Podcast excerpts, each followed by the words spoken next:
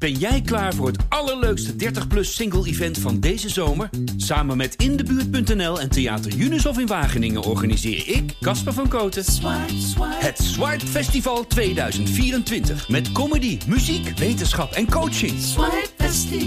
Maar vooral heel veel leuke mensen. Bestel nu je kaart op swipefestival.nl. Swipe, swipe. Hallo, mijn naam is Pieter Klok. Ik ben hoofdredacteur van de Volkskrant en dit is een nieuwe aflevering van de Volkskrant Elke Dag. Een dagelijkse podcast waarin we de achtergronden bij het nieuws bespreken en vooral proberen te schetsen hoe de wereld op tal van terreinen onder onze ogen aan het veranderen is. Vandaag gaan we naar Suriname. We gaan het uitgebreid hebben over de excuses die premier Rutte deze week heeft aangeboden vanwege het slavernijverleden. Maar we gaan ook kijken hoe het met Suriname gaat nu. Dat gaan we uitgebreid bespreken met Charlotte Huisman. Welkom Charlotte. Hallo. Jij zit in Paramaribo, neem ik aan. Ja. Oké, en, en, waar was je afgelopen maandag op het moment dat die excuses werden uitgesproken? Ik was in een uh, zaaltje in het, uh, van het Torarica Hotel. Dat is uh, nou ja, het bekendste hotel van Paramaribo. Maar eigenlijk ook een, een weinig sfeervolle plek om zo'n historisch moment te beleven. het was ook met genodigden. Dus ook anders dan op Curaçao, waar, waar mensen gewoon konden gaan kijken. Dus uh, het, het, had een, een, stijve setting, maar het was toch wel heel uh, indrukwekkend om, om daarbij te zijn. En wat was er precies indrukwekkend? De, de, reactie van de mensen of om zelf die toespraak te horen? Nou ja, de mensen die daar waren, dat waren dan uh, genodigden uit nou ja, religieuze, maatschappelijke organisaties. Die hebben er meer mee dan ook de gemiddelde Surinamer ja, je zag ook wel wat emotie, hè, omdat uh, premier Rutte ook wel een ding, aantal dingen echt heel, heel uh, duidelijk benoemde. Dat, dat werd ook heel erg uh, gewaardeerd. Hè. Ook het feit dat hij zei dat er sprake was van misdaden tegen de menselijkheid. Dat, dat was heel belangrijk voor veel mensen. Dus je zag dat, dat dat soort dingen wel echt aankwamen. Was natuurlijk ook een gezelschap dat, dat uh, ja, daar ook was, omdat ze ja, dit zo volgen en, en daar ook heel kritisch tegenover uh, staan. En die, die hadden dan ook wel zoiets van: ja, oké, allemaal mooi en aardig deze woorden. En, en hoe nu verder? Hè? Hier gaat het ook over herstelbetalingen. Nou ja, wat, wat er gaat gebeuren in de aanloop naar 1 juli, wat, wat eigenlijk voor hun een belangrijkere datum is. Dus ja, er zat ook wel een soort dubbelheid in die reacties. De aangrijpende bewoordingen waarin hij het uh, goot, die, die leiden tot emoties. Maar tegelijkertijd uh, is voor hen vooral belangrijk welke concrete stappen daaraan worden verbonden. Precies, praatjes vullen geen gaatjes, uh, zegt men hier. Was onze minister Frank Weerwind ook daar aanwezig? Of ja, want dat was het, het, het, doel daar ook van. Daarna moest de pers dat zaaltje verlaten en is Weerwind in gesprek gegaan met deze uh, genodigden over dit verhaal. De dialoog, hè? het betekenisvolle moment waar de, de hele tijd over wordt gesproken. En, en daaruit kwam ook, begreep ik, dat iedereen zei van ja, uh, het belangrijkste van die speech is ook dat Rutte zegt dit is uh, geen punt, maar een komma. Hè? Uh, hoe nu verder? En hebben ze daar dan zelf duidelijke gedachten over, behalve herstelbetalingen in welke vorm dan ook? Nou ja, meer aandacht voor de, de geschiedenis. Ook op, op de scholen, meer bewustwording, maar ook samen optrekken om, om uh, een soort genoegdoening te krijgen van wat er nu is gebeurd, wat er is gebeurd in het verleden. Maar het is dus allemaal gericht op bewustwording, vooral ook van de geschiedenis. Gaat het ook nog veel over hoe die, het slavernijverleden uh, doorwerkt in het heden, door, door de toch structurele achterstelling van mensen met kleur? Is dat, is dat ook nog een belangrijk gespreksonderwerp? Nou ja, dat, dat speelt in Suriname wel minder. Kijk, die, die hele samenleving is hier eigenlijk het, het product van de geschiedenis. Hè? Door de geschiedenis ziet de bevolking er in Suriname nu zo uit als die eruit ziet. De inheemse bevolking, die, die is er gewoon niet meer het feit dat hier uh, die mensen met een Creoolse achtergrond en een Hindoestaanse achtergrond wonen. De Hindoestanen die zijn hier gekomen als contractarbeiders. Hè. Na de afschaffing van de slavernij moest, moest toch iemand het werk doen. Dus alles hier in Suriname is het gevolg van die geschiedenis. Dus eigenlijk het land is een product van, van het slavernijverleden in zijn geheel. Absoluut. En, en daarom is die discussie hier heel anders dan in Nederland. Hè? In Suriname is, is dat verleden een gegeven. Uh, je kan er niet omheen. Ze hebben allemaal dat verleden. Dus dat hele argument van achterstelling, wat in Nederland misschien wel zwaarder meespeelt, want daar hebben we natuurlijk ook vooral heel veel witte, geprivilegeerde mensen, dat speelt daar minder. Want ze hebben allemaal in meer of mindere mate geleden onder deze geschiedenis. Precies. Natuurlijk zijn er wel bepaalde groepen die het zwaar hebben. Ze, hè? De Marons, dat is een groep die werd ook uh, expliciet genoemd door Rutte. Dat zijn de nazaten van de, de uh, tot slaafgemaakten die zijn gevlucht van de plantages. Hè? En het regenwoud in zijn gevlucht en daar kleine gemeenschappen hebben gesticht. Hun cultuur is Afrikaanser dan die van uh, de Creolen, uh, die meer gemengd zijn met de onderdrukkers, om het zo maar te zeggen. Dus dat soort dingen spelen allemaal door en, en in het hedendaagse Suriname. Ja, want welke groepen om het af te maken? Je hebt dus de Creolen, je hebt de Hindoestanen, je hebt de Marons. Zijn er nog andere groepen? Javanen natuurlijk, zijn ook gehaald. Dus je hebt hier ook een grote Javaanse gemeenschap. En die werden allemaal gehaald nadat de slav slavernij was afgeschaft? Ja, en dat zijn nu echt uh, aanzienlijke bevolkingsgroepen hier in uh, Suriname. Maar hoe verhouden die zich tot elkaar? Want er, wordt, er is ook wel, wordt overigens gezegd dat, dat, dat er ook in Suriname toch veel racisme is. Ja, god, uh, overal in de wereld kijken bevolkingsgroepen naar elkaar van jij bent anders dan ik. Maar ik heb toch het idee ook dat, dat Suriname ook gewoon een, een blend is, een, een mix van alles wat hier uh, is aangespoeld in de, de loop van de, de eeuwen. Het is een, een uiterst uh, multiculturele samenleving. We hebben het net gehad over hoe, hoe, uh, nou, hoe er door de belangenorganisaties is, is gereageerd. hoe staat de gewone Surinamer tegenover deze excuses? Je ziet eigenlijk veel, veel Surinamers hier zeggen: ja, ik denk dat de Surinamers in Nederland er meer mee bezig zijn dan wij hier in Suriname. En dat heeft uh, meerdere uh, redenen. Ten eerste al omdat, zoals ik uh, zei, het slavernijverleden eigenlijk voortdurend aanwezig is in Suriname. Het is gewoon onderdeel van de identiteit van het land. En ten tweede ook omdat ze wel andere dingen aan hun hoofd hebben, namelijk een hele moeilijke economische situatie met een instabiele munt. Dus mensen kijken voortdurend wat de koers doet van de Surinaamse dollar. En uh, de ene dag is, uh, is die meer waard dan de andere.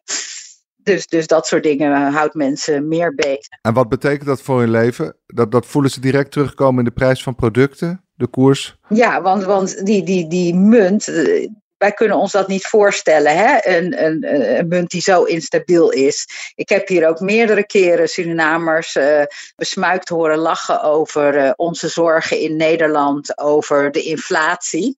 En zij zeggen echt, nou ja, als uh, 10% inflatie, daar zouden wij voor tekenen, jongens. Uh, geef ons dat maar. Uh, je hebt hier jaren gehad dat het 60% inflatie was. je hebt hier dus, dat is echt, nou ja, vrij absurd. De, de wisselkantoren die, die publiceren op Facebook, nou, een paar keer per dag updates van de wisselkoers. En dan praat je met iemand en die krijgt dan een melding binnen en zegt: Jee, de Surinaamse dollar is nu weer minder waard. Dat kan gewoon uh, per uur verschillen. Ja, maar hoe, hoe, hoe, betalen ze dan? Want je, je kan toch gewoon, de producten hebben toch een prijs? Of worden die continu... Nou ja, je ziet, uh, ze, hebben die, die, ze hebben dat geld. Maar het is steeds minder waard. Ja, dus de prijzen worden eigenlijk continu bijgesteld van producten. Dus, dus op het moment dat de koers verandert, wordt, wordt, wordt alles duurder. Nou ja, de, de winkeliers, uh, dat is ook een klacht, die, die anticiperen op die daling. Dus die maken de dingen al bij voorbaat duurder. Maar hoe, moet, hoe moeten we dat voor ons zien? Hoe, hoe, hoog is de inflatie? Weten we dat? Of? Toen Bouters uh, uh, vertrok, uh, liet hij het land in 2020 in, in een misère achter. Toen was er een inflatie van 60 procent. Dus uh, er is dus een enorme staatsschuld. Waardoor ja, heel veel geld moet gaan naar de, de terugbetaling van allerlei schulden. Ook deze regering brengt Surinamers uh, niet uh, de, de zo gehoopte verlossing uit hun misère. daar zijn nu ook wat protesten tegen geweest. Mensen kijken gewoon naar die munt. Uh, en, en, en sommigen bijvoorbeeld, die gaan dan wisselen hè, in, in uh, harde valuta, dollars of euro's. Maar dat kan je niet op de bank zetten. Dus dat moet je ergens in een kluis onder je bed uh, zetten. Het geeft natuurlijk allemaal heel veel onrust. En hoe is het met de werkloosheid? Hebben mensen nog wel een baan? Nou ja, werkloosheid is heel moeilijk te meten in Suriname, omdat de informele economie gewoon heel groot is. Je ziet mensen die, die bijvoorbeeld een, een taxi rijden of in, een school werken, die, die uh, verbouwen ondertussen ook wat groenten en, en die, die uh, zetten ze dan in een stalletje te koop of ze gaan nog ergens schoonmaken of, of naar een callcenter. Dus het, het is uh, heel onduidelijk. Iedereen is gewoon bezig om, om geld bij elkaar te sprokkelen. En jij hebt ook geprobeerd om, om de armoede in beeld te brengen. Wat, wat heb je zo aangetroffen? Wat voor gezinnen? Nou ja, ik ben meegeweest gisteren met een, een, dat was eigenlijk wel heel apart, het, een aantal medewerkers van een, een bedrijvengroep die onder meer casino's en een, een internetgokbedrijf hebben. Die hebben toen de lockdown kwam in 2020, hadden ze dus die keuken in het casino, waarvan ze dachten, ja, moeten we nou al die mensen gaan ontslaan? Dat is toch ook zo sneu? En die dachten, nou ja, laat ze gewoon even lekker doorkoken en dan gaan we wel kijken aan wie we dat eten gaan geven. Toen zijn ze een beetje gaan rondkijken in de stad en zagen ze dus ook een, een groeiend leger daklozen. Dus die zijn ze eten gaan brengen. En uh, dat doen ze dan elke dag uh, voor uh, de centrumkerk hier in de stad. En er staat dan inderdaad een rij daklozen. En dat zijn mensen met mentale problemen, oud-militairen, oud met een traumasyndroom. Van alles, heel, de hele gemarginaliseerde mensen. Maar ze zagen er ook mensen bij op een gegeven moment die, die gewoon een gezin hadden. En toen zijn ze die gaan bezoeken. En dat, dat groeide en dat groeide. En nu uh, hebben ze ongeveer 100 gezinnen onder hun hoede die ze uh, bijstaan met wat geld en, en eten. En dan die uitdeel van, van voedsel dagelijks van 200 porties. Als je dan meegaat uh, om te zien over wie dat dan gaat, is dat, dat toch behoorlijk schrijnend. En dat is dan toch wel echt anders dan in Nederland. Hè? Uh, armoede in Nederland is toch anders dan armoede in een derde wereldland, uh, hoe je het ook went of keert. Dan kan je dus een, een alleenstaande moeder uh, treffen met negen kinderen die in een, een, soort half instortend houten huisje woont. Dat boven, het, het was hier flink aan het regenen ook waar het water onderdoor stroomt, uh, hele vieze modder. En daar, daar slapen dan allemaal uh, kleine kinderen in die, die niet naar school gaan, kampen daar met ongedierte. Dat is echt ongelooflijk om te zien. En er is dan geen enkele hulp van de overheid of van andere instanties en organisaties? Nee, ik weet niet uh, precies wat de overheid doet, maar de, de mensen die ik gisteren heb gezien, die hadden die hulp in ieder geval niet. En met name uh, die kinderen die niet naar school gaan en daar echt onder erbarmelijke uh, omstandigheden leven, dat, dat was toch wel heel, heel aangrijpend uh, om te zien. Ja, en, en dat casino, dat gaat hier gewoon mee door. Die hebben gezien hoe hoog de nood is. Ja, want die, die voelen zich nu zo verantwoordelijk. Die zeggen van ja, we hebben deze mensen nu eenmaal zijn we aan het helpen. En op het moment, we kunnen nu niet meer uh, stoppen om dit te doen de overheid doet het niet, dus dan zullen wij het moeten doen. En de overheid doet het niet omdat ze gewoon geen geld hebben? Nee, maar ook omdat, uh, dat moeten we natuurlijk ook niet vergeten. Hè? In Nederland hebben we toch een, een sociaal vangnet. Dat is flink uitgekleed. Er wordt, is natuurlijk ook heel veel over uh, te klagen. Maar uh, zo'n sociaal vangnet is er uh, niet in heel veel landen aan de andere kant van de wereld. Maar hoe moet het nu verder? Gaat dit, de liefdadigheid als, als van dit casino, moet die dan steeds groter worden als de, de, de omstandigheden erbarmelijker worden? Of wordt daarover nagedacht? Is er druk op de politiek? Ja, er is geen geld hè, bij de politiek. Dus ik zou dat niet weten hoe dat uh, verder zou moeten. Uh, het enige wat je ziet is een land dat, dat van uh, economische crisis naar economische crisis hobbelt. De angst is nu dat het alleen maar slechter zal worden binnenkort. Hè. Er zijn ook rapporten van geweest van de VN en van de Wereldbank. Dat Suriname inmiddels tot de armste landen van Latijns-Amerika behoort van Zuid-Amerika, moet ik eigenlijk zeggen. Ja, hebben ze ook ergens nog hoop? Uh, een paar jaar geleden was sprake van olie die er voor de kust werd gevonden. zijn er nog, waar hopen ze op? Of zijn ze zo gewend dat het slecht gaat? Nou ja, dat is dus heel, heel uh, lastig om te zeggen, omdat uh, de nieuwe regering nog niet heeft gebracht wat men had gehoopt. Er wordt nu inderdaad naar Nederland gekeken. Het is moeilijk om, om te zeggen waar uh, de verlossing vandaan uh, zou moeten komen. Uh, aan de andere kant, dat wil ik ook wel zeggen, het mooie en het fijne van een land als Suriname is, is dat mensen er toch het beste van maken. En Paramaribo bijvoorbeeld heeft een soort van dorpse sfeer. Hè? Het is niet echt een, een grote wereldstad. Mensen komen voortdurend hier bekenden tegen. Er worden praatjes gemaakt. De muziek wordt aangezet en mensen beginnen heel hard te zingen en te dansen. Het is niet dat het hier nou alleen maar ellendig is. Alleen de economische omstandigheden, die, die zijn gewoon uh, niet best. Nee, en dan wordt er toch nog steeds naar Nederland gekeken. Ja, nu specifiek, hè. Maar wat natuurlijk ook is, is dat heel veel mensen, uh, familieleden in Nederland hebben wonen. Hè. Er wonen bijna net zoveel Surinamers in Nederland als hier. Dus die, die sturen ook nog wel eens wat uh, naar mensen toe, naar hun familie. Maar het is niet zo dat mensen de hele dag naar Nederland kijken hoor. Dat is echt niet zo. En Charlotte, wordt er nou ook gesproken over herstelbetalingen en worden er al hoogtes van bedragen genoemd? Elke Surinamer heeft een, een eigen antwoord uh, hierop. Hè. Er zijn ook uh, mensen die zeggen, ja, een hoop ellende hebben we, is de schuld van onze eigen uh, politici. Maar er zijn ook mensen die, ja, en dat kan je ook wel begrijpen vanwege de, de penibele economische situatie waarin het land verkeert toch wel erg hopen op, op dat deze woorden van Rutte gepaard gaan met geld.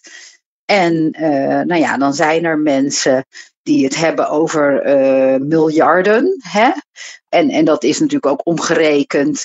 Als je het echt zou omrekenen, uh, al het geld dat niet uh, aan, naar deze mensen is gegaan voor hun arbeid. dus eigenlijk achterstallig loon. Omgerekend naar het geld van nu. Maar ja, dat, dat een hele hoop mensen zeggen ook van ja, dat, dat is gewoon niet reëel ik denk eigenlijk dat heel veel mensen uh, wel hebben begrepen dat die uh, grote herstelbetalingen er gewoon niet gaan komen. Het is alleen dat zij uh, hopen dat er in ieder geval iets komt dat hun situatie beter kan maken. Dus je zegt eigenlijk, dit land is zo doordrongen van de slavernij dat die hele bewustwording, die, in, die in Nederland misschien wel heel belangrijk is, ja, dat die discussie gewoon minder speelt. Want iedereen is zich al heel erg bewust van dat verleden en wat dat allemaal heeft voortgebracht en aangericht. En, en in de tweede plaats is, is die armoede zo dominant dat ze, ja, ze zijn vooral aan het overleven. Ja, maar het is ook wel eh, wat ik dus heel mooi vind om te zien. Hè? Uh, je ziet dus zo'n bedrijf neemt zijn eigen verantwoordelijkheid. En dat is natuurlijk wat je ook ziet. Hè? De, de uh, gemeenschapszin die er dan ook is om dan zelf zulke dingen te doen. Nou ja, ik, noem maar iets, ziektekostenverzekering de meeste mensen in Nederland zijn toch wel verzekerd, hoe duur dat ook is voor veel mensen. In Suriname eh, is, is ziektekostenverzekering een luxe. En dat betekent ook dat, dat mensen eh, ja, veel meer op elkaar zijn aangewezen.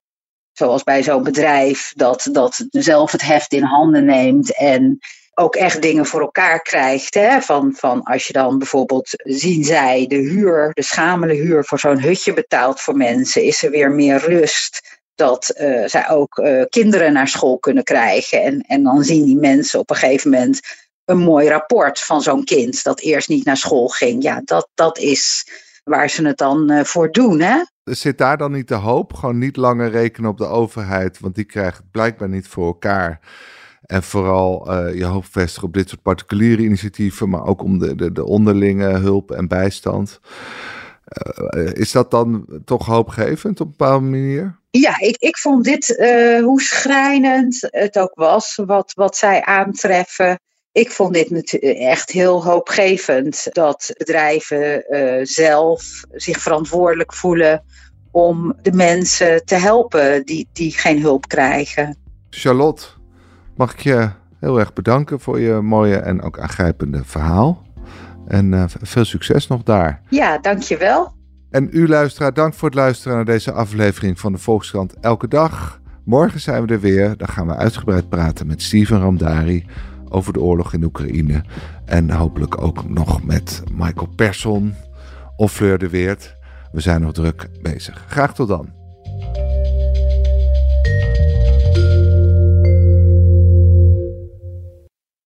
Ben jij klaar voor het allerleukste 30-plus single-event van deze zomer? Samen met Indebuurt.nl en Theater Junushof in Wageningen organiseer ik, Casper van Koten, het Swipe Festival 2024. Met comedy, muziek, wetenschap en coaching. Maar vooral heel veel leuke mensen. Bestel nu je kaart op swipefestival.nl. Swipe, swipe.